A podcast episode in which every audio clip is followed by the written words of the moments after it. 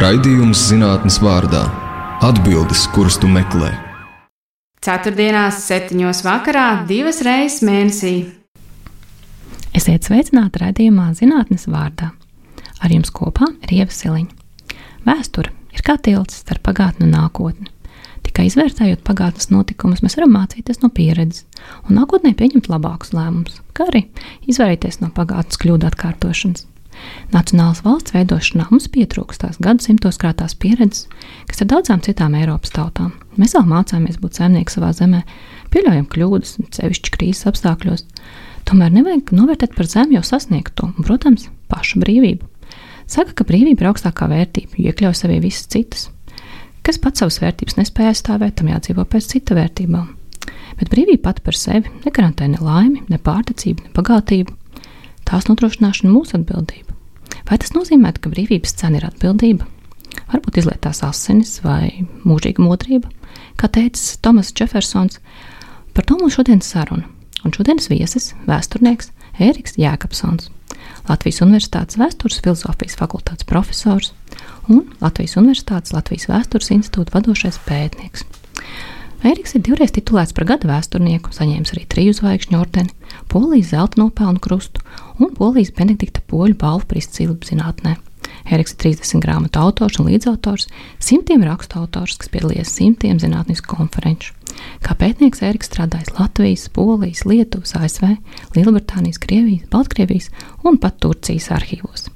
Tātad raidījuma zinātnes vārdā viesis šodien ir vēsturnieks Eriks Jēkabsons. Labdien! Labdien! Erika, kā tu nonāci vēstures jomā? Nu, tas bija cits laiks, padomju Savienības laiks, stagnācija.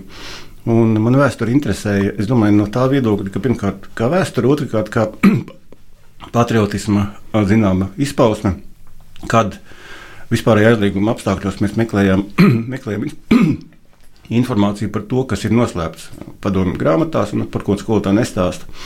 Un, es domāju, tas arī bija galvenais. Meklēt alternatīvo vēsturi. Pat ne alternatīvo īsto vēsturi kā tādu. Man interesēja šis, šie, šie norises starpkara periodā, Latvijas karavīra vēsture, Latvijas militārā vēsture, politiskā un tā tālāk, būtībā, kura bija aizliegta vai par kuru acīm redzam meloja. Un, jā, būtībā es atceros to, ka 80. gada sākumā mēs ar velosipēdiem braukājām apkārt pa Latviju pēc vecām kartēm, meklējot Latvijas neatkarības kara pieminekļus un um, kopā viņus fotografējām. Un, uh, jā, tad būtībā tā, bet tas arī bija nedaudz cits laiks, un es domāju, ka tie paši motīvi šobrīd arī darbojās. Jauniešiem nākot uz vēstures fakultāti studēt, un var, es redzu, ka ļoti daudziem no viņiem spīd acis, kad runā par norisēm pagātnē. Un es domāju, ka ļoti daudzi šī vēsturē atrod arī atbildes uz, jā, uz to, ko jūs teicat, to, ko tu teici par šīm te jautājumiem mūsdienās. un tas ir šis uh, vēstures mūžīgais zinājspēks, es domāju. Un tu teici, ka vēsturi mēs pasniedzam pārāk sarežģīti, un tā ir kā tā beigtos ar valsts robežu. A, kā tavuprāt, būtu jāmāca vēsture? Gan telpā, skatoties, kas notiek blakus, vispār, un arī laikā, protams, respektīvi, jebkuru vēstures notikumu mēs varam saprast tikai tad, kad mēs zinām, kas ir noticis pirms un pēc. Tas pats ir ar mūsdienām, precīzi šodien tieši tāpat. Un, jā, un laikā un telpā, tas nozīmē telpā nevis tur, kur beidzas robežas, bet tas, kas noticis plašāk. Nu, faktiski, jā, nu šis pats ļoti populārais, šobrīd jau paldies Dievam, populārais neatkarības karš. mēs viņu spējam saprast tikai un vienīgi tad, ja mēs redzam, kas notiek Igaunijā, Lietuvā. Mēs Igaunijas Lietuvas vēsturi diemžēl nezinām pie, pie, pie atbilstošā veidā. Un līdz ar to mēs nevaram saprast arī savējo. Mēs, mums jāsaprot, kas notiek Krievijā, Polijā, Vācijā, Somijā un tā tālāk apkārt reģionā, un tikai tad mēs varam saprast, kas notiek neatkarības kara Latvijā. Nevis tā, kā tas ir pasniegts, nu jā, būtībā vēl, teiksim tā, starpkara perioda tradīcijās būtībā neatkarības karš ir tik uh, ierobežots, ka viņš beidzas tur, kur mūsu robežas, un tādā gadījumā mēs īsti nesaprotam, ko, ko dara šeit. Ko dara šeit uh, Krievijas-Baltijas spēki? Mēs nesaprotam, kas, nu, kāpēc lietuvieši uzvedas savādāk nekā Latvija un tā tālāk. Un tā tālāk. Būtībā, jā, tas, tā, tas nozīmē, ka jā, jāsaprot, jebkurš process ir laikā un telpā, attiecībā arī uz mūsdienām. Nozīmē, ka mums vajadzētu nevis mācīties Latvijas vēsturi un pasaules vēsturi, bet arī Baltijas vēsturi. Es domāju, pastiprināt noteikti, jo mēs šobrīd mācāmies šo pasaules vēsturi. Mēs labi zinām, kas notiek Lielbritānijā, Francijā, ASV, bet nu, nevienmēr mēs zinām, kas notiek Lietuvā un Igaunijā. Taisnība. Kas ir vērtīgākais, ko mēs varam gūt no vēstures? izpratni par, izpratni par politiskajām, sabiedriskajām un sociālajām norisēm. Arī, arī jā, tieši tā. Un, uh, ne tikai vēsturē, tīri, bet es vēlreiz atkārtoju arī mūsdienās. Tu brīvi pārvaldi poļu valodu. Vai tas ir kaut kāds veids, kā labāk saprast šo kontekstu un Latviju Mm. Mana specializācija sākotnēji bija Latvijas un Polijas attiecības un poļu faktors Latvijā. Šis poļu faktors, līdzīgi kā vācu faktors, nebija pietiekoši skatīts uh, Latvijas vēsturē oficiālajā, un man šķiet, ka tas ir ļoti svarīgi. Un tāpēc uh, jā, es viņu apguvu, un uh, es domāju, ka tas palīdz, protams, saprast, saprast šīs norises laikā un arī telpā labāk, neapšaubām, jo poļu faktors Latvijas, Latvijas vēsturē patiešām bija klātsošs ne tikai tā saucamajos poļu laikos, kļūdaini tā tiek saukti Lietuvas un Polijas laiki. Lietuvas un Polijas varas laiki Latvijas teritorijā līdz 18. gadsimtam no 16. Bet arī 20. gadsimta vēsture sarežģīto Latvijas neatkarības kāru, to pašu starpkara posmu un, un citus procesus. Arī mūsdienās būtībā poļu faktors ir pietiekoši svarīgs. Bet šeit nav runa tikai par poļu faktoru. Tikpat svarīgs ir arī vācu, igauņu, lietuviešu un citu faktoru. Jebkurš minoritātes faktors, vai ne? Lielo minoritāšu, protams, nacionālo minoritāšu faktors, jebkurš, ja šeit ir poļu minoritāte, protams, tam bija poļu minoritāte vai minoritātes vispār politikā ir ļoti nozīmīgas. To mēs jūtam arī mūsdienās. Bet viņas ir nozīmīgas arī vēsturē, neapšaubām. Un, un no šīs pieredzes izējot, mēs ļoti daudz ko varam manīt. Uh, arī attiecībā par mūsdienām un domāt, jo tā pati poļu minoritāte starpkara starp periodā tas bija viens no tādiem, nu, kā lai saka, starptautisku attiecību tēmām, jo šīs attiecības ļoti svarīgas bija tieši Latvijas un Polijas attiecībās, kuras bija samērā labas, bet tomēr piesardzīgas. Un tā piesardzība lielā mērā bija izraisīta tieši ar dažādu skatījumu uz poļu minoritātes situāciju. Turklāt Polija diezgan bieži to arī izmantoja savās interesēs. Droši vien pareizi darīt no viņa perspektīvas. No viņa perspektīvas neapšaubām tieši tā. Ja mēs skatāmies kopskatā, kāds ir Latvijas dzimšanas stāsts? Pietiekoši sarežģīts, lai es šeit negribētu viņu izklāstīt pavisam detalizēti, bet es teikšu tā. Pamatlietas jau mēs zinām. Jā, tieši tā. Un šobrīd, pateicoties tam, ka tam simts gadu jubileja bija nesen samērā, tad mēs diezgan labi zinām šos, no, šīs norises. Un paldies Dievam, ka beidzot šis, šīs norises guvušas pietiekami atspoguļojumu arī sabiedriskajā domā un sabiedriskajos medijos. Bet nu īsumā tā atkal tas pats uh, laiks un telpa. Um, Latvija izveidojās līdzīgi kā visas citas valsts centrālajā un austrumē Eiropā. Būtībā tā tad nobriestot šim nacionālajam, nacionālajam pašapziņas līmenim līdz, sava, uh, līdz apziņai par savu valstiskumu nepieciešamību. Pirms Pirmā pasaules kara nekas tāds ne, nebija, jo bija grūti iedomāties, ka tādas nelielas valstis un zemes var pastāvēt. Šis ir viens no tādiem iemesliem, kāpēc amerikāņu vai Amerikas Savienoto valstu redzējumā Krievijas impērijas sašķelšanās bija absolūti negatīva, viņu redzējumā īpaši, jo mm, neskatoties uz to, ka Vilsonam bija šī deklarācija par tautu pašnoteikšanās tiesībām, tieši viņš to, tiesa, viņš to attiecināja tikai uz dažām nācijām, bet kāpēc negatīvi? Nu, vienkārši tāpēc, ka viņu vēsturiskajā atmiņā bija nesenais uh, Amerikas Savienoto Valstu pilsoņu karš 60. gados. Pirms 50, pirms, pirms pusgadsimta. Tas ir laiks, ko vēl atcerējās šie cilvēki, ieskaitot Vilsonu. Uh, Uh, Latvijai topot, un tādā brīdī negatīvi bija tie dienvidnieki, kas gribēja atšķelties no lielās, lab, labdabīgās valsts. Un saprotiet, būtībā tas arī ir tas iemesls, tik nelielas zemes, kuras ir mazāk par vienu štatu, amerikāņu izpratnē pastāvēt nevar. Vēl jau vairāk viņas grib atšķelties no impērijas, kas ir pozitīvi uztverama kā teritorija, kā vienums, veselums. Un, jā, un tas būtībā arī pārējām zemēm, protams, bija lielajām valstīm bija šāds uzskats, un tikai Pirmais pasaules karš kas izmainīja visu, sākot no ēdienkartes līdz sievietes vietai sabiedrībā, līdz politiskajai kartei un tā tālāk. Ja? Uh, radīja situāciju, labvēlību, ka, labvēlīgu tam, ka arī Čehi, Slovāki un citas nelielas tautas reģionā sāk apzināties, ka ir iespējama pastāvēšana savādāk nekā tikai impērijā. Pat, tikai tikai savs, savs valstiskums var nodrošināt uh, to, kas nācijai ir nepieciešams no ekonomikas līdz mm, sajūtai par savu zemi un par savu nāciju kā tādu. Būtībā nacionālisms šī brīdī vai, fa vai faktors, nacionālais faktors, pat nesauksim viņu par nacionālismu, kas rietumu izpratnē tiek uztverts negatīvi. Nacionālais faktors ir pozitīvi, šis patriotisms kā tāds.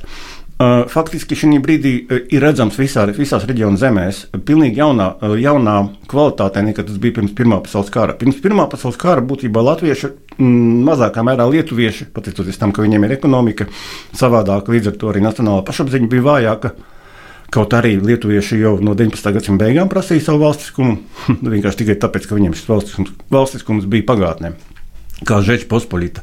Bet šī brīdī šīs nācijas saprot, ka, ka labākais alternatīvais veids impērijām vai lielām, valst, lielām valstīm, kas nenodrošina šo nāciju pašnoteikšanās tiesības, ir savs valstiskums. Un, jā, šeit radās virkne jaunu valstu, starp kurām ir arī Baltijas valstis, tas nozīmē Latvija, Lietuva un Igaunija, kā arī Somija. Galu galā Polija, vēl vesela virkne valstu, jaunu valstu vai atjaunotu valstu formāli centrālajā Eiropā. Tā faktiski pirmais pasaules karš bija tas katalizators, kas vispār ļāva rasties šīm valstīm. Neapšaubām. Uh, jā, uh, pirmais pilsoņu karš un tā izraisīt, izraisītie sociālie sagrūvumi, pirmkārt, Krievijas impērijā. Līdz ar Krievijas impērijas bojāju un rašanos vietā padomju, šī, šī valsts, kas sākumā ir mm, gan agresīva, gan vāja, tomēr vienlaicīgi vāja, tāpēc bija iespējama šī rašanās Baltijas valstīm un arī Polijai. Un, jā, Pirmais pasaules karš neapšaubām sagrāva arī Vācijas impēriju, Austrumgārijas impēriju, arī gal galā Osmaņu impēriju, Turcijas impēriju. Un, jā, būtībā mainot visu ģeopolitisko situāciju visā Eiropā, ne tikai centrālajā un austrumos, bet arī vispār. Vai mums būtu sava valsts um, bez citu pušu mm, iesaistas, vai tikai latvieši ir um, atbildīgi par to, ka mums ir Latvija? šie procesi nav skatām robežās. Es jau teicu, to tāpēc arī nē, līdz ar to nē.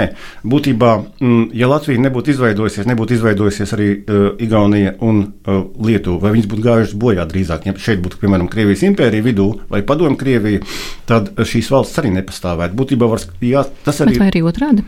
Bez uh, Lietuvas mēs arī nepastāvētu? Protams, nē, absolūti. Bez Lietuva, uh, Lietuva Nu, arī Igaunija uh, tika uztverta absolūti, kā, kā absolūts priekšnoteikums Latvijas valstiskumam, un to ļoti labi saprata Latvijas valsts vīri un valdība. Uh, vēlēdamās, lai blakus būtu vāja Lietuva, kaut vai vāja Lietuva, vāja, jo mums bija ļoti nopietnas teritoriālās domstarpības, mums pat bija savstarpēji ķīviņi līdz pat ieroču šaušanai. 20. gada septembrī kritušie Lietuvas pusē. Mēs nebijām nekāds izņēmums. Mums, mums, mūsu reģionam piemīta visi tie paši trūkumi, uh, kuri eh, šai Versaļas Rīgas sistēmai kopumā, vai tā ir sistēmai, kas pastāvēja eh, valstu sistēma, kas pastāvēja Eiropā starpkara periodā, eh, neiespējamība novilkt precīzi robežas tur, kur beidzās viena nācija un sākas otra. Vai viena tauta vienā pusē dzīvo, otra tauta otrā. Būtībā tāpēc mums arī ar Lietuvu bija ļoti sliktas attiecības, it sevišķi rašanās, valstu rašanās laikā. Mēs vienkārši to izsvītrojām ārā no mūsu kolektīvās apziņas, kā, kā diezgan neglītu lietu. Un no, arī Gaunijā mums arī bijuši tādi. Protams, absolūti, droši, absolūti. Vienā brīdī, 1920. gada janvārī izskatījās, ka varētu būt pat karš. Vai militārs konflikts, nu, lūk, es tagad stāstu speciāli, varbūt nedaudz pastiprinot šos akcentus, kuri bija Latvijas neatkarības karā, bet, nu, jā, kopumā es varētu teikt, ka neapšaubāmi nav iespējama neatkarīga Latvija, un toreiz nebija iespējama neatkarīga Latvija bez, bez neatkarīgas Igaunijas un Lietuvas, arī Polijas, ap citu, un Somijas, un otrādi, protams, neapšaubām. Kā ar citu nacionālo armiju atbalstu? viņš bija ļoti nozīmīgs. Tikai es teikšu tā, eh, ja kāds kādam saka, ka viena valsts atbalsta otru tikai tāpēc, ka tās vadītājiem, karalim, monarham vai, vai prezidentam ir laba sirds, un tā nebūs. Būtībā, protams, eh, gan Lietuvas, gan Igaunijas eh, valsts vīru un armijas vadība, gan Polijas ļoti labi saprata, ka viņiem ir svarīga neatkarīgas Latvijas pastāvēšana viens, otrkārt, viņiem šeit bija ļoti plašas teritoriālas intereses. Un Lietuvas armija cīnījās Latvijas teritorijā ar domu, ka šīs teritorijas tiks iekļautas Lietuvā. Ilūks sapriņķis. Igaunijas armijai, protams, saprotot to, ko es jau minēju, um, ka Latvija ir nepieciešama, vienlaicīgi bija doma par teritoriāliem ieguvumiem vidzemē. Polijai līdzīgi par teritoriju zem Daugopils, bet vienlaicīgi iegūt sev Latviju par sabiedroto pret, eh, pret, gan pret Padomu Krieviju, gan arī uzsveru pret Lietuvu. Tas neizdevās. Un arī pirmais variants pret Padomu Krieviju līdz galam neizdevās, tā kā to redzēja Polijas vadība. Bet eh, šeit mēs redzam neatkarības karā eh, ļoti daudzu pušu iesaisti. Latvijā ir arī Lietuvas armijas Baltkrievu bataljons. Latvijā ir Baltie, Krievu baltās vienības, bez Bermonta vēl, kas, protams, ir visklasiskāk zinā, zināmā. Latvijā ir Dāņu rota Igaunijas armijas sastāvā, Somu bataljons Igaunijas armijas sastāvā, sa, ķīniešu vienības uh, sarkanajās, ar, sarkanās armijas sastāvā, sarkanie latviešu un sarkano, sarkano igauņu vienības. Būtībā Nu, jā, tas neatkarības karš simbols zināmā mērā ir tas, ka mēs līdz šim nerunājam par lielāko kauju reģionā, vispār, kas notika, un tā notika Latvijas teritorijā. Tikai vienā pusē karoja, tas ir 1919. gada septembris, augusta beigas un septembris, kad vienā pusē karoja tā saucamās nepareizās, nepareizie poļi un lietuvieši, jo viņi karoja par šīm teritorijām. Ilūks sapriņķī toreiz zem Daugopils, šobrīd tā skaitās kļūdaini Latgala, kaut arī tā nav Latgala, viņa ir pievienota administratīvi Latgalei. Tā daļa, kas ir zem Daugavpils, um, viņi karoja šie nepareizie poļi un lietuvieši par šīm zemēm kā par savām. Tāpēc nepareizi. Un otrā pusē bija sarkanā armija, kurā triecienspēku veidoja otrais padomi Latvijas strelnieku pulks, sarkanie strelnieki un Igauni sarkano strelnieku brigādi. Igauni arī nepareizie. Tātad vienā pusē nepareizie lietuviešu poļi, otrā pusē nepareizie latvieši. Latvieši un Igauni. Tas gan nepareizi kauja. Jā, nepareizi kauja no Latvijas mm, vēstures viedokļa. It kā kļūdaini, jo mēs tur nepiedalījāmies pēdiņās. Mēs tur tiešām nebijām. Bez mums šis mm, poļi uzvarēja šo kauju, iesaistot ap citu savas armijas vienību, kurā bija franču karavīri, tanki. Ar tankiem. Bet uh, es šo visu vienkārši minēju, lai, lai mēs redzētu, ka tā bija patiešām lielākā kauja. Mēs tā īsti par viņu neko nezinām, neraugoties uz to, ka viņa bija lielākā. Tur krita simtiem karavīru no visām pusēm. Mēs zinām par Cēskauju, kur krita 14 latvieši un 100 bišku vairāk igauņu. Uh, Bet šo kauju pie Daugopils par grīvu mēs nezinām. Tieši tāpēc, ka mēs tur nepiedalījāmies. Kaut arī, protams, tas nav pareizi. Mums par to ir jārunā, jāizskaidro, un mēs nesaprotam, ka šī pakauja bija. Tā ir saistība arī ar Bermudu uzbrukumu un tā tālāk. Vēl viens apliecinājums tam, ka jāskatās telpā šīm norisēm. Un arī sabiedrībā, jo jā, mēs runājam par armijām un uh, šiem cilvēkiem, kas aizstāv mūsu valsts ar ieročiem, bet kā ar citām sabiedrības grupām, kas. Nu, Šī gadījumā Latvijas valsts izveida vispār, vai neatkarības karš, mēs kļūdaini uztveram, ka karš ir cīņa ierakumos un nekas vairāk. Šī gadījumā neatkarības karš ir process, kurā radās visas Latvijas, jaunās Latvijas dzīves sfēras izveidojās. Pirmais, ja pirmais pasaules karš, ko es jau pieminēju, izmainīja visu no ēdienkartes līdz politiskajai kartei, tad jā, patiešām neatkarības karš ir šī pirmā pasaules kara turpinājums mūsu reģionā. Un mēs redzam, ka būtībā visas sabiedrības iesaisti militāri, politiskajos, sociālajos un citos procesos, kurus, kuriem klāt nāk uh, absolūta humanitārā krīze. Latvija tajā brīdī atrodas vissmagākajā situācijā. Es domāju, nu, vienā no vismagākajām situācijām vispār no tām teritorijām, kas karoja Pirmajā pasaules karā. Jo Tikai Latvijā kardarbība norisinās visā reģionā trīs gadus. Tieša kardarbība ar ierakumiem, ar bombardēšanu, ar bēgļu masām, kas ir liekas lielākās no tautām Pirmā pasaules kara laikā. Vispār procentuāli tik liels procents bēgļu gaitās nav nevienai citai nācijai. Kaut arī visas nācijas runā par savām bēgļu gaitām. Nu, lūk, šis process, protams, bija uh, sarežģīts tajā ziņā, ka no sākuma trūka šī atbalsta Latvijas valstiskumam arī konkrēti apstākļu dēļ. Nevis tāpēc, ka latvieši no dabas ir kreisi un tas nozīmē slikti, ja, kā šobrīd dažkārt izskan, bet uh, trūka šī atbalsta objektīvi. Viņš radās pakāpeniski ar vien lielākai nācijas daļai pārliecinoties, ka labākā alternatīva šajā gadījumā ir savs valstiskums, vai uh, Kārļa Ulmaņa pagaidu valdība ir tā, kurā spēs vislabāk realizēt gan, šo, gan šīs tēmas nācijas, nācijas lielākās daļas ekonomiskās intereses ar zemi un vispārējo, gan arī šo savu valstiskumu, kas daudziem radās šī brīdī. Būtībā, ja inteliģences daļai bija ļoti izprotama šī savu valstiskuma ideja, līdzīgs ap citu kā visām citām nācijām reģionā, izglītotā tautas daļa, inteliģence bija tā, Izglītotie cilvēki bija tie, kuri gāja stājās studentu rotās, studentu bataljonās. Tāds studentu bataljons bija arī starp citu Ukraiņiem, kas, kas būtībā 18. gadā pilnībā gāja bojā. Tika iznīcināts viņa ar sarkanu armiju, elite kā tāda. Un, bet arī ar vien lielāka nācijas daļa saprot, ka vienīgi šis savs valstiskums un kulminācija tiek sasniegta tieši cīņa laikā ar Bermudu. Ar Bermudu spēkiem 19. gada rudenī, kad armijā stājās ne tikai uh, latvieši, bet arī uh, minoritāšu pārstāvi, masveidīgi jaunākais Latvijas armijas karavīrs. Kopels Goreliks, zēns, kuram bija 9 gadi tajā brīdī, kad viņš iestājās Latvijas armijā. Divu mēnešu cīņā piedalījās kaujās.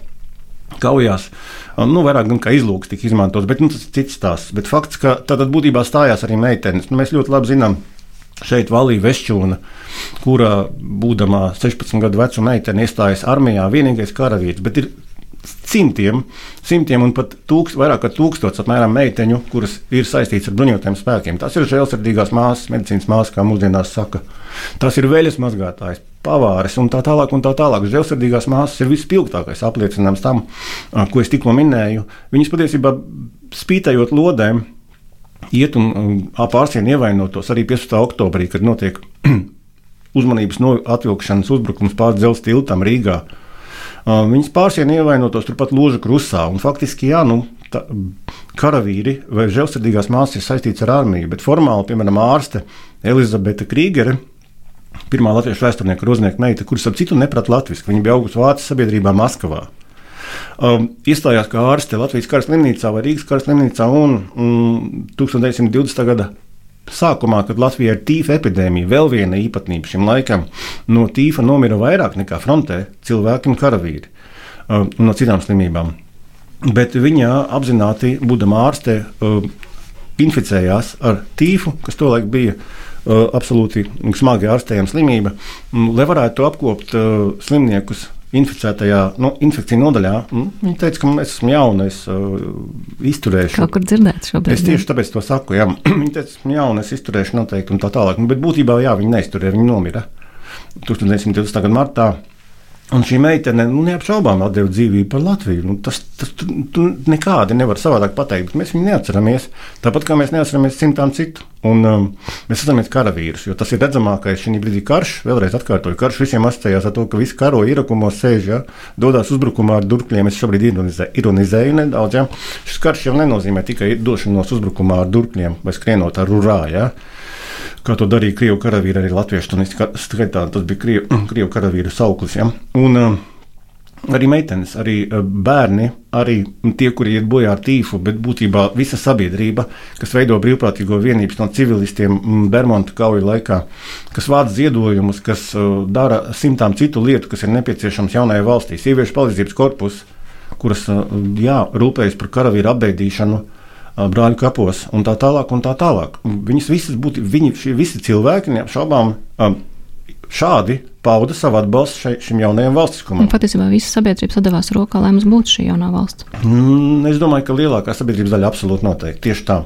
Arī mm, liela daļa, ievērojama daļa no nacionālajām minoritātēm, ne tik liela daļa vai īpatsvars kā latviešiem, un tas atkal ir dabiski pilnīgi. Mm, gan vācieši, gan ebreji, gan krievs māca bažas par to, kā būs jaunajā valstī. Un būtībā tikai, daļai, tikai daļēji pakāpeniski mm, 19. gada kaujās un, un šajos militārajos procesos norisēs būtībā lielākā daļa arī no minoritātēm. Ļoti ievērojama daļa pārliecinājās par to, ka Latvieši, viņiem, Latvijas valsts viņiem ir labākais, labākā alternatīva. Demokrātiska. Šis raidījums zinātnes vārdā ar jums kopā ir Ieva Siliņa. Viesos mums šodien ir vēsturnieks Ēriks Jēkabsons. Iepriekš runājām par Latvijas brīvības iegūšanu, tagad gribētos parunāt par to, kas notika vēlāk. Saka, Erika, vai pastāv iespēja, ka mēs būtu saglabājuši savu neatkarību toreiz Ulmaņa laikos? Ir runa par 1940. gadu, cik es saprotu. Nu, principā no, no ārpolitiskā viedokļa raugoties, nē, nebūtu saglabājuši savu neatkarību. Mēs atrodāmies pavisam citā situācijā nekā Somija. Uh, viens mazs, mazs, uh, mas, varbūt tomēr piezīme uh, bija jābūt pilnīgi citai, mm, citam, cita, citām starptautiskajām attiecībām un citām modelim.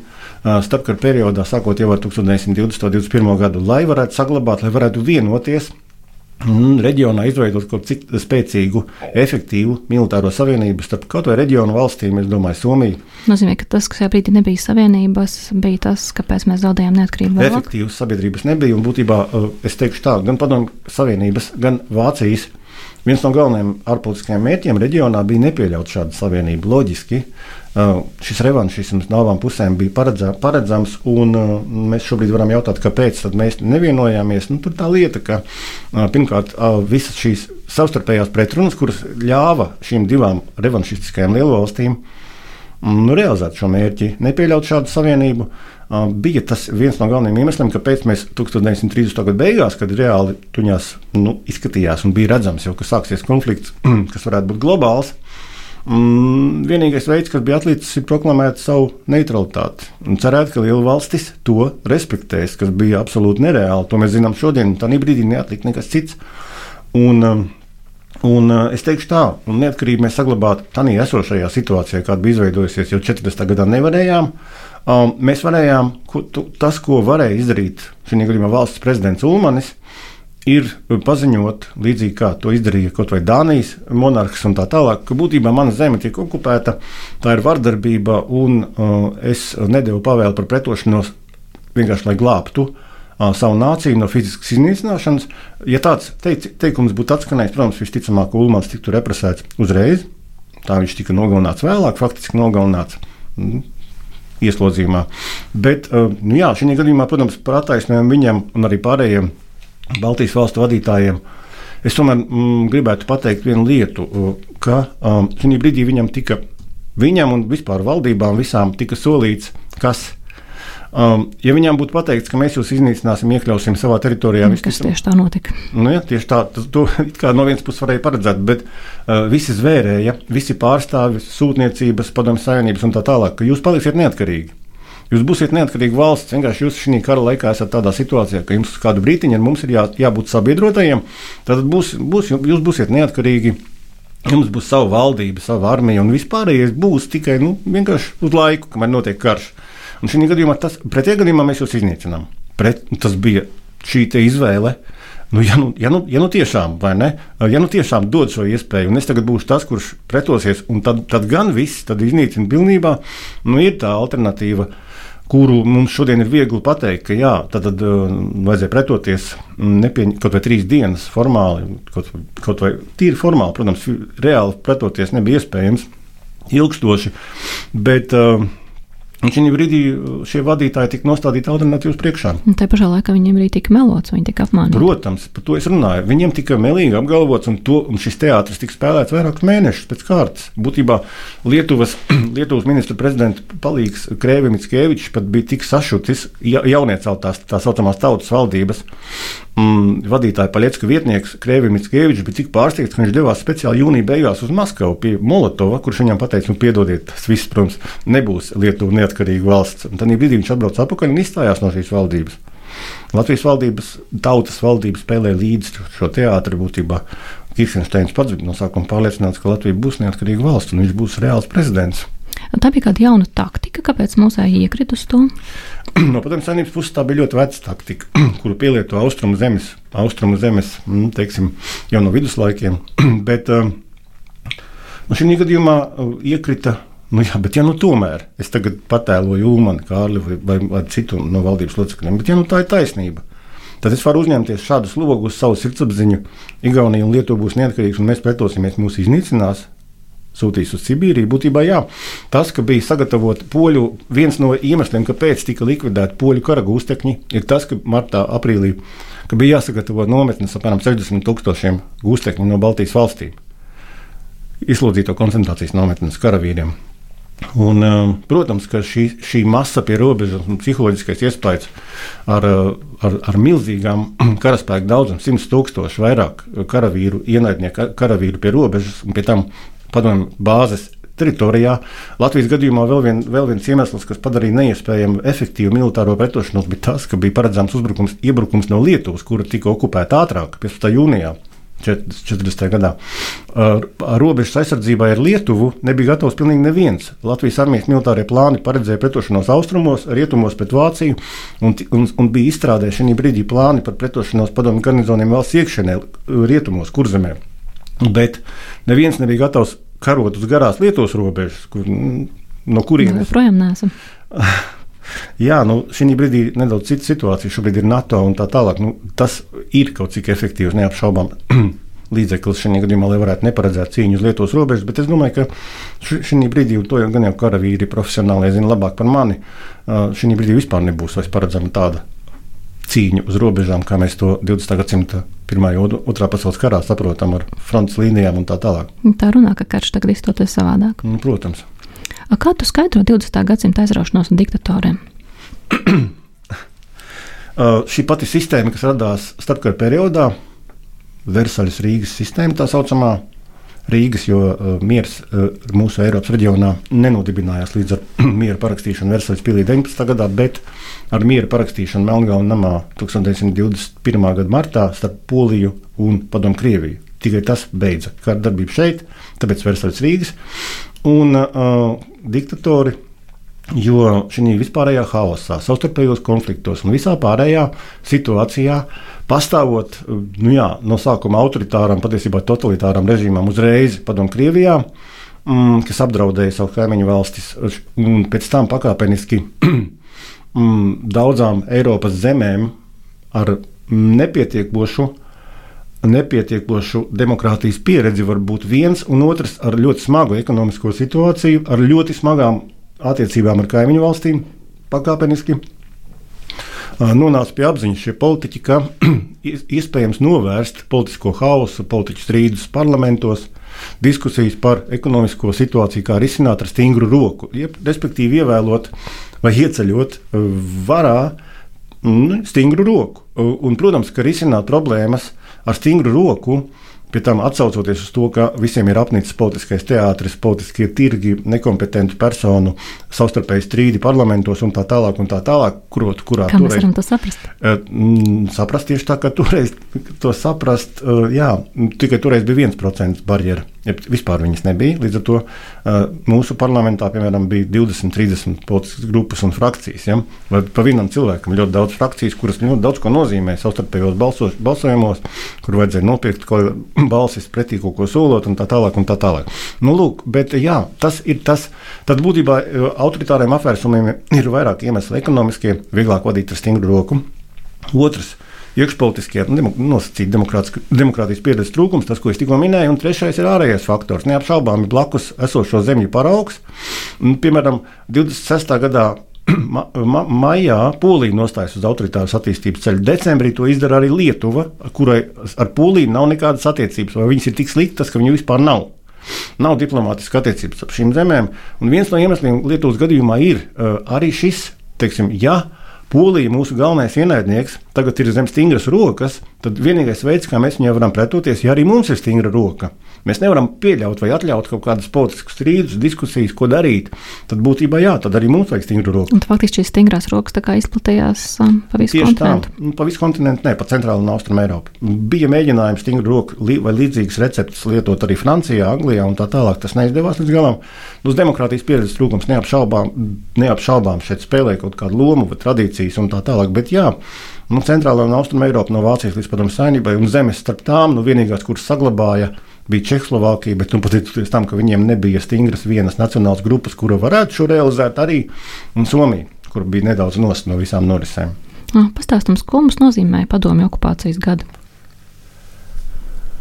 Nu, es domāju, tās ir izmaiņas visā šajā te, visā šajā vērtību uztverē.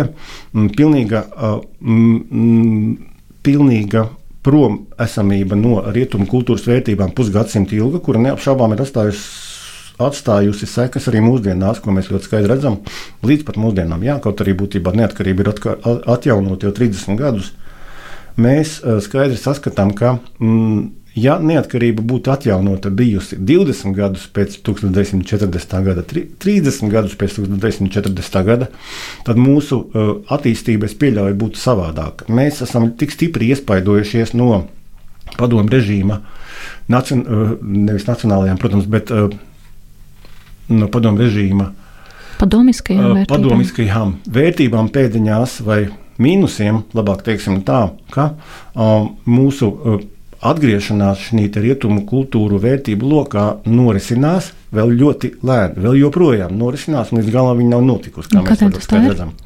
Un tas ir būtībā 50 gadu iespējas, pusgadsimta ilgs, pārāk ilgs šis periods bija. Ja viņš būtu bijis īsāks, šī atgriešanās būtu bijusi ātrāka.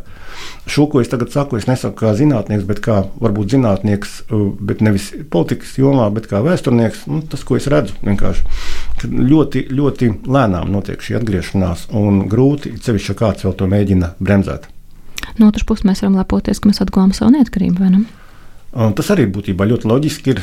Mums, atšķirībā no pārējām padomju saimnības tautām, mūs, mums, Baltijas valstīm, bija tautu nācijām būtībā tas, kas bija šis ulmaņa periods, kurš tāpēc tiek arī būtībā nedaudz idealizēts, ka viņš bija, tie ulmaņa laiki bija kaut kas vienreizēji labs, jo tā bija neatkarība, bija ļoti augsts ekonomisks attīstības līmenis un tā tālāk. Tas palika nācijas apziņā, jā, virtuvē pa kluso runāts, bet to visi zināja.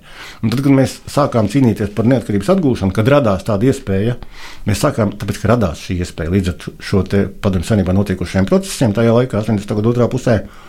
Um, mēs uh, atcerējāmies, atšķirībā no uh, Ukrāņiem, Baltkrieviem un tā tālāk, kuriem nebija šīs iespējas, tādas, un līdz ar to tā azarta arī nebija tāda, vai mērķa, par ko cīnīties. Mums viņš bija, pateicoties šai vēsturiskajai atmiņai, bet neatkarība toreiz ieguva arī šīs nācijas. Tas ir tas, ko es gribu teikt. Būtībā tikai tāpēc, ka radās šī situācija, padomju savienības sabrukums. Un, jā, uh, mums ātrāk nedaudz tāpēc, ka mēs paudām savu gribu ļoti izteikti. Nu, tas vairāk nozīmē. Jā, tieši tā. Šai nācijas atmiņai vēsturiskajai par šo neatkarības laiku, kas bija 20 gadus vēlāk nekā visām pārējām tautām, un bija bijis atšķirībā no pārējām padomu savienības tautām. Bet, nu, mm. nu, paldies Dievam! Kas ir liela vērtība? Jā, protams. Šis ir raidījums zinātnes vārdā. Ar jums kopā ir Ieva Siliņa. Viesos mums šodien ir vēsturnieks Ēriks Jēkabsons. Iepriekš runājām par nacionālo atmodu, tagad gribētu parunāt par to, kas notiek šobrīd. Eriks, stāsti, kāds ir tavs kā vēsturnieks skatījums uz to, kas šobrīd notiek sabiedrībā, šī sašķeltība, agresija? Nu, tas ir taisnība pie tiem, pie tiem punktiem, ko es tikko minēju par padomu saimnības. Sekām, klāt šeit nāk vēl kaut kādi daži faktori. Padomu saimnības varas eh, ļoti ilgās, pusgadsimta ilgās varas sekām, mainītā mainītas iedzīvotāju sastāvs ļoti liels iespējas uz, uh, uz, uh, jā, mm, uz zinām, Latvijas sabiedrības daļu, kas būtībā tiek pastiprināts ar, ar, ar oficiālo viedokli no citas valsts mēdījiem, kuri šobrīd, protams, šeit arī spēlē zināmu lomu un kuri ir ieinteresēti. Līdzīgi kā tas bija starpkara periodā, kuri arī ir ieinteresēti de, kaimiņu valstu iekšējās situācijas destabilizācijā, lai gadījumā, ja uh, iespēja rastos, tad varbūt to varētu izmantot kaut kādu savu ģeopolitisko interesu labad. Būtībā tas pats tikai šobrīd, protams, iespējas ir daudz plašākas, pateicoties internetam un mediju raksturam kā tādam. Starpkara periodā tas bija radio un, un arī viss patiesībā radio, prese varbūt nedaudz un caur saviem caur saviem, sa, saviem iespaidu aģentiem, kuri arī tolaik bija. Neapšaubām tas tika darīts, nopērkot preses izdevumus un tā tālāk. Nu, mēs redzam ļoti liels līdzības arī mūsdienām. Te patiesībā šī dezinformācija, ar ko mēs saskaramies šobrīd, tas nav nekas jauns, tikai tas veids, kā tas tiek piegādāts. Protams, protams, dezinformācijas mērķi ir ļoti līdzīgi šī gadījumā.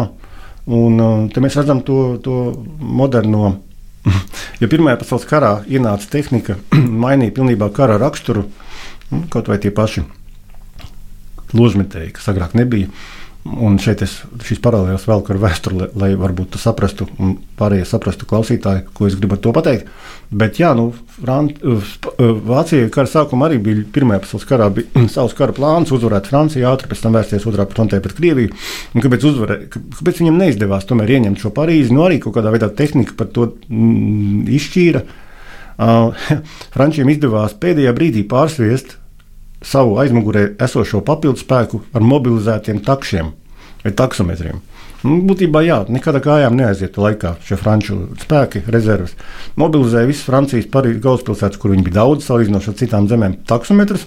Un vienkārši šajos taksometros, nu, braucot ar 10 km/h, bet tas toreiz bija ļoti ātri, ka zirgiem būtu lēnāk ar vezumiem.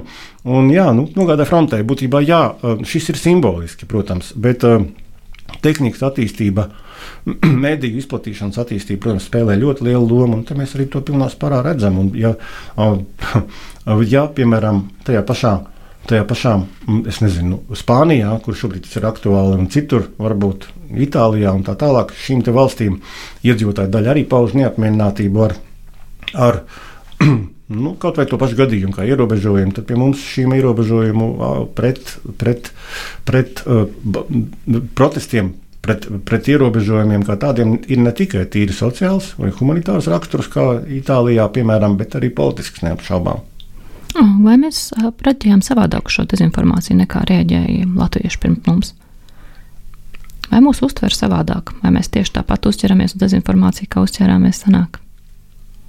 Mēs senāk uzķērām, es domāju, ka jebkura, ja runa par latviešiem, Mēs arī, protams, dezinformācija ir sākot ar Napoleona uzbrukumu Rīgai. Jau 1812. gadā Rīgā izplatījās baumas, ka Napoleona karaspēks nevis dod no Jelgavas, kur viņš atrodas, dodas nevis uz austrumiem, uz Maskavas pusi, bet tuvojas Rīgai. Tad būtībā Rīgā tika nodezināts latviešu apdzīvotās priekšpilsētas, koka būdas, viss tika nodezināts, lai būtībā būtu nepieļaut ienaidnieku tuvošanos, slēpjoties starp un labi apšaudēt. Apšaudīt būtu vieglāk. Ne, būtībā pateicoties tam mums ir vērmeņu parks, šobrīd, ko, ne, ne, ko neapbūvē. Pateicoties dezinformācijai. Tā ir pateicoties Napoleona, Napoleona kara kara pulku izraisītā dezinformācija, kuras, domāju, viņi pat nepalaida, bet um, to izplatīja vietējie būtībā. Vienkārši baumas paklīda tādas.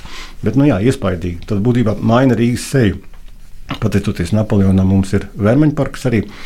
Un, uh, jaunie kvartāli, 19. Gada, gadsimta apbūvētie. Bet, uh, jā, nu šeit, protams, ka dezinformācijai vienmēr ir bijusi sava loma, un tas Napoleons vienkārši bija piemērs. Kad, teiksim tā, arī 19. gadsimta sākumā, bet Uh, protams, ka 19. gadsimtā un 20. gadsimtā šī dezinformācija, propaganda kā tāda ir guvusi milzīgu attīstību. Kaut vai kas par Zēļa grāmatu par uh, dezinformāciju. Uh, propagandas nozīmi Vācijas okupācijas laikā. Es domāju, ka šādu pašu grāmatu mēs varam rakstīt mierīgi arī par padomu periodu. Bet kā dezinformācija šobrīd ietekmē mūsu sabiedrību? Un to jau mēs visi zinām un redzam pēc, pēc, pēc sociālajiem tīkliem, pēc kurā strādā liekas, ne tikai troļļi, bet arī tīri jau cilvēki, reāli cilvēki. Un mēs viņus redzam arī uz politiskās skatuves. Es, es, es pat teiktu, ka tur nav ko daudz komentēt. Tur patiesībā tas viss ir redzams šobrīd. Dezinformācija ietekmē ļoti. Un kāds tam varētu būt seks? No visliktākajām no līdz mērena labām. ka tas tiks atrisināts un ka ģeopolitiskā situācija neiespaidos, nepamudinās kādu izmantot šo te, uh, mm, jucekli varbūt arī daļai paša veicināto savās interesēs. Un, uh, Situācija atrisinās, bet nu, katram gadījumam tas tiek uzturēts spēkā. Es domāju, ka arī apzināti no, no ārienes. Kā risināt ar zinātnē risinājumu krīzi tajā brīdī, kad pati uzticēšanās zinātnē sašūpota šīs dezinformācijas palīdzību? Mm. Es domāju, ka zināt, no zinātnieku viedokļa raugoties, mums vienkārši ir jāturpina strādāt un jāmēģina, pat, jāmēģina mm, izplatīt savu iegūto informāciju ne tikai ne tikai, ne tikai uh, savos izdevumos, bet arī jā, medijos kā tādos. Nu, šī gadījumā jārunā par ne tikai par, uh, protams, uh, mediķiem un tā tālāk, bet arī par vēsturniekiem. Um, nu, Visas pandēmijas krīzes beidzās. Kāda, tavuprāt, mēs iziesim no šīs krīzes? Kādu pieredzi būsim ieguvuši? Es domāju, ka par šo krīzi tiks rakstīti zinātniski darbi noteikti, un, un tieši arī ne tikai no tīri uh, medicīnas viedokļa, bet, nu, kā jau mēs sapratām, arī no politikas viedokļa, neapšaubām so, sabiedrības attīstības viedokļa, politologi, sociologi un tā tālāk. Vai tu redz kādas vērtības izmaiņas Latvijas sabiedrībā? Pēc krīzes? Nu, vispār skatoties vēsturiski. Nu, es jau minēju to, ka, būtībā, protams, ja mēs būtu sabiedrība, kura dzīvoja 40. gadā un būtībā būtu attīstījušies bez šiem pasaules kariem, vai ar pasaules karu un neatkarīgā valstī, pat tad jau būtu savādāk, kā piemēram Polija. Um, bet, protams, ka vērtības ir mainījušās, un um, mēs esam ļoti lielā no padomju saimnības mantoto vērtību iespējā. Vai mēs novērtējam savu brīvību, jo brīžam šķiet, ka varbūt ka nepietiekami? Es tikko redzēju, redzēju uh, izteikumu no viena politiķa, ka um, tāda brēkšana, ka būtībā reliģija tiek tāpat vajāta tagad, jo viena sekta tiek vajāta, vajāta respektīvi, policija palūdza, lai viņi nepulcējās. Jo tiek gan padomu saimnībā vajāta, gan, gan, gan būtībā tagad arī Latvijā šajā režīmā citēju. Nu, tas ir, tā ir tāda nirgāšanās patiesībā, vai arī, vai arī demonstrācija tam, ka tu pats esi pilnīgs nejēga, ne vēsturē, ne arī būtībā. Vai nu nejēga, vai, vai, vai absolūts nelietis, kas melo. Nu, divi, divi varianti šeit ir. Tā kā es agrāk domāju par tiem, par tiem subjektiem, kas darbojās komunistiskās partijas aparātā, kā tādā augstos amatos. Nu, tas ir tieši tas pats. Tāpēc man, nav, man ir diezgan liela skepse pret tiem uh, cilvēkiem, kas atkār, atjaunoja neat, Latvijas neatkarību, kuri bija ļoti augsta ranga padomju funkcionāri. Nu, tad būtībā viens no diviem variantiem - vai nu muļķis vai nelietis, kas būtībā ir gatavs visu mūžu melot. Un ši, un tāds cilvēks būtībā teiksim, vada Latvijas valsti pēc tās neatkarības atjaunošanas. Kaut kas nav kārtībā. Un tas būtībā arī pie sakām. Nu, šī gadījumā tas pats. Nu, protams, ka Protams, ka ši, šis viss ir jā, kaut kādā veidā iespējas, bet, nu, diemžēl, mēs vērojam to ikdienā. Es domāju, ka mums vēl kādu laiku ar to būs jāsamierinās. Un ko mēs varam darīt? Jo tik daudz cilvēku pirms mums ir tik ļoti daudz ko ieguldījuši, lai mums būtu šī valsts, šī lielā vērtība. Ko mēs varam darīt, lai mēs aizstāvētu savu valsti, nodrošinātu tās neatkarību turpmāk? Ja nav jautājums par zinātniekiem, zinātnieku funkcija šī brīdī ir skaidra. Es domāju, mēs var, varam darīt, apzināties, ka tā ir, ka tā ir vērtība. Viens, divi, mēģināt mm, pretdarboties šīm visām lietām. Ir ceļš cilvēki, kuri var runāt medijos un rakstīt. Un treškārt, būt gatavam, būt gatavam mm, uz to pašu, un uz ko bija gatavi uh, Latvijas cilvēki nu, pašā 1940. gadā. Kad viņiem neļāva patiesībā būt gataviem, mm, tīri no valdības puses, noticot kaut kādiem meliem ka Latvija tāpat būs neatkarīga. Nozīmē, ka būtu gataviem aizstāvēt savu valsti vienalga kādā veidā? Nu, š, protams, nu, absolūti. Šī gadījumā es domāju, ka mm, tas ir jebkuras valsts. Paprasiet amerikāņiem, pajautājiet Krievam, pajautājiet Polim, mm, Anglim vai, vai, vai Britam, respektīvi, vai Vācietim. Viņš atbildēs tieši to pašu. Protams, ka es esmu gatavs. Un, kāpēc es neatbildētu to pašu? Protams, ka es esmu gatavs aizstāvēt savu valsti. No otras puses, mēs veidiem. redzam, kas notiek krīzes apstākļos, un vai šie cilvēki ir gatavi mobilizēties. Es domāju, ka jā. Lielākā daļa, jā, bet, protams, ka arī būs kaut kāds iespējas. Nu, tur, jau tā, tur jau ir tas viss, tur jau ir visa tā nelaime, ka uh, uh, tiek vērsta šī propaganda no ārienes šajā gadījumā uh, uz uh, mērķi nepieļaut šeit kaut kādu nācijas vienotību, pēc iespējas mēģināt sašķelt, mēģināt izplatīt mm, neusticību arī tajā Latvijas tautas daļā, kura pēc visiem rādītājiem tomēr varētu būt uzticīga mm, savai valdībai. Man arī neapmierina valdības sastāvs, piemēram. Man nepatīk, ka tur ir daži deputāti vai, vai tā tālāk, bet um, tā ir demokrātija un tā ir mana valsts. Mana valsts un nevis uh, sveša vara, kura būtībā ir absolūti nepieņemama kā tāda. Protams, ar saviem trūkumiem, bet tā ir mana valsts, kuras, uh, kuras, uh, kuras uh, pazušana man nozīmētu katastrofu.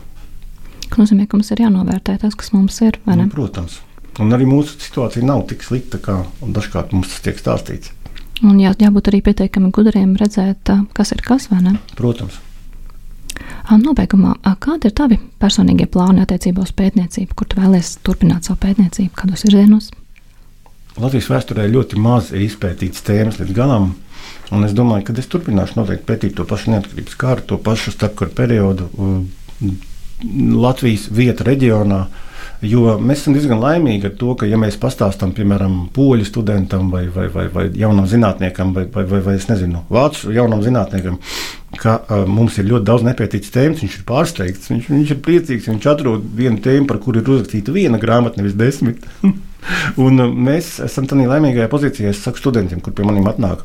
Mēs esam tādā privileģētajā stāvoklī, ka tu vari būt pirmais. Tu vari būt pirmais, kas atver arhīvu lietu. Neviens pirms tevis nekad to nav skatījies. No pētniekiem ne, vispār neviens nav skatījies.